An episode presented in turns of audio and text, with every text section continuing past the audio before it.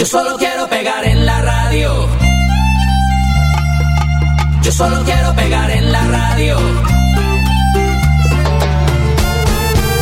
Republika Latina. Latynoski głos pod każdą strzechą. Radio. Słuchacze Radia Wnet. Wita Zbyszek Dąbrowski. No wita, wita. Bardzo mocno zziajany, ale zanim skoczymy pod y, kubańskie słońce, to zacznijmy od ekwadorskiego słońca. E, Mówiłem Państwu kilka tygodni temu, że e, nowy prezydent kraju, Guillermo Lasso, zapowiedział akcję masowych szczepień w tym kraju. Szczepień oczywiście przeciwko COVID-owi. No i ta akcja e, właśnie się rozpoczęła. Szanuje szacuje się, że owa trzecia faza potrwa do niedzieli 5 września. Celem jest zaszczepienie 8,5 miliona osób w Ekwadorze w wieku od 16 do 48 lat.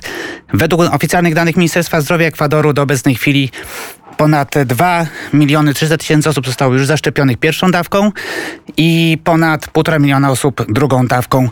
Oczywiście mówimy tutaj o, przepraszam, oficjalnych szczepionkach takich jak Pfizer, AstraZeneca czy Sinovac. Z Ekwadoru przenosimy się do Peru. E, Narodowa Komisja Wyborcza, najwyższy organ wyborczy tego kraju, spodziewa się, że w ciągu najbliższego tygodnia ogłoszony zostanie akt proklamacyjny prezydenckich wyborów z 6 czerwca pomiędzy, znaczy mówimy tutaj o drugiej fazie e, wyborów pomiędzy Keiko Fujimori a Pedro Castillo.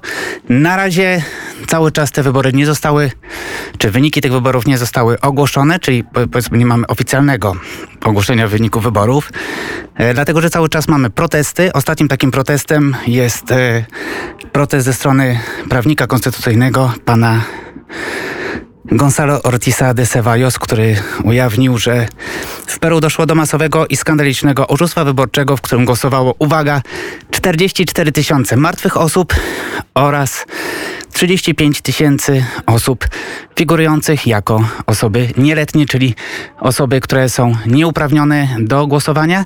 Z tym, że tutaj co trzeba powiedzieć, że pan Ortiz de Ceballos nie oskarża żadnej ze stron. Oskarża on raczej tutaj e, obecny rząd tego kraju. No i wreszcie, zanim przeskoczymy na Kubę, krótki przystanek w Wenezueli. E, tam doszło do aresztowania e, jednego z liderów opozycyjnych, e, bliskiego również współpracownika opozycyjnego prezydenta kraju, e, pana, który się nazywa Freddy Guevara. Freddy Guevara został aresztowany w ostatnią sobotę. Reżim Nicolasa Maduro oskarżył go innymi o terroryzm i zdradę narodową. I od razu to, to trzeba Państwu też powiedzieć, że w tym samym czasie planowano co najmniej aresztowanie, porwanie i aresztowanie Juana Guaido. Tę scenę, nieudaną scenę e, z parkingu budynku, w którym mieszka Juan Guaido, zarejestrowały kamery przemysłowe. No i wreszcie Kuba. Słyszeliście Państwo już zapewne, że od ostatniej niedzieli trwają protesty na tej wyspie. Protesty masowe, e, protesty, w których bierze udział no myślę, że kilkadziesiąt tysięcy osób co najmniej. To są pierwsze takie masowe protesty na wyspie od 13 marca 1994 roku. Wówczas w tamtych protestach zginęło 41 osób. W tej chwili niestety te protesty już przyniosły pierwszą ofiarę śmiertelną.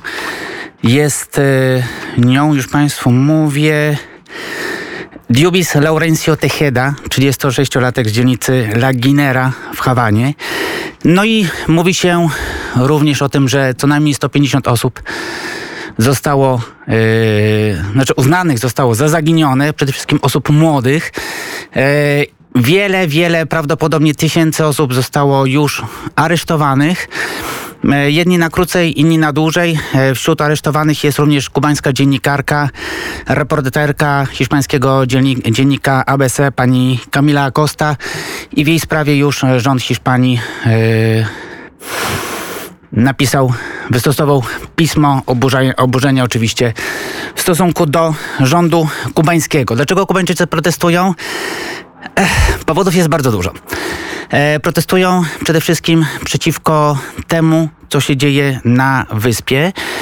E, no wiecie Państwo, mówiłem Państwu wielokrotnie, że e, na wyspie dobrze się nie dzieje i nigdy dobrze się nie działo. Chyba od czasów e, odkrycia wyspy przez e, Krzysztofa Kolumba.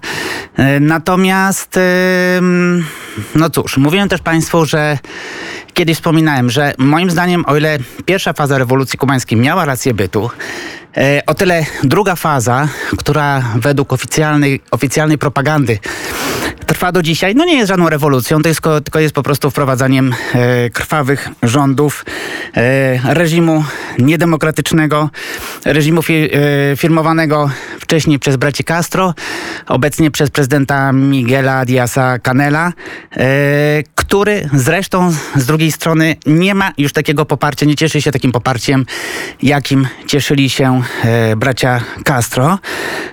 Jednym z takich zarzewi tego protestu jest e, sytuacja z grudnia 2008 roku, 18 roku, przepraszam, kiedy to rząd kubański zdecydował się w ramach modernizacji wyspy na szersze udostępnienie internetu. No możecie sobie Państwo wyobrazić, że nagle e, bardzo duży odsetek Kubańczyków, i tu mówimy o milionach mieszkańców wyspy, zyskało kontakt ze światem. I nagle się okazało, że na tym świecie się dzieje zupełnie inaczej niż to, co pokazywała oficjalna kubańska propaganda. Nagle się okazało, że na tej wyspie tak, tak wcale wspaniale nie jest. Ja nie mówię tutaj, proszę Państwa, o e, propagandzie ze strony emigracji kubańskiej na Florydzie, bo też o nich trzeba wspomnieć. Natomiast obecna, w zasadzie bym powiedział, że obecna sytuacja na Kubie ma dwóch ojców. Jednym z nich są, jest, są oczywiście e, twórcy rewolucji kubańskiej, natomiast drugim ojcem tego potworka, jakim jest obecna Kuba, są po prostu Stany Zjednoczone i ich polityka wobec e, reżimu e, reżimu kastrystowskiego. Można ją popierać, może jej nie popierać. Natomiast e, sami Państwo widzicie, że reżim sankcji niczego dobrego nie przyniósł. Kubańczycy protestują również przeciwko dostawom w energii. E, Protestują również przeciwko dolaryzacji ekonomii, bo ostatnie reformy, które miały miejsce w ostatnich tygodniach, e, pokazały, że Kubańczycy stają się takimi no, pariasami na swojej wyspie, w swoim własnym domu, bo ich nie stać na to, żeby mieć dolary. E, Pamiętacie Państwo, kiedyś przedstawiałem Państwu piosenkę Patria i Vida. Oficjalna propaganda mówi Patria muerte, czyli ojczyzna albo śmierć. Kubańczycy łącznie ze swoją, swoim entuzjastycznym na, y, stosunkiem do życia mówią tak, chcemy, żeby była ojczyzna, ale żeby było również i życie. No i mam nadzieję, że będzie lepiej. Ale co będzie, dowiemy się w przyszłym tygodniu. Dziękujemy serdecznie, mówił Zbyszek Dąbrowski, Republika Latina.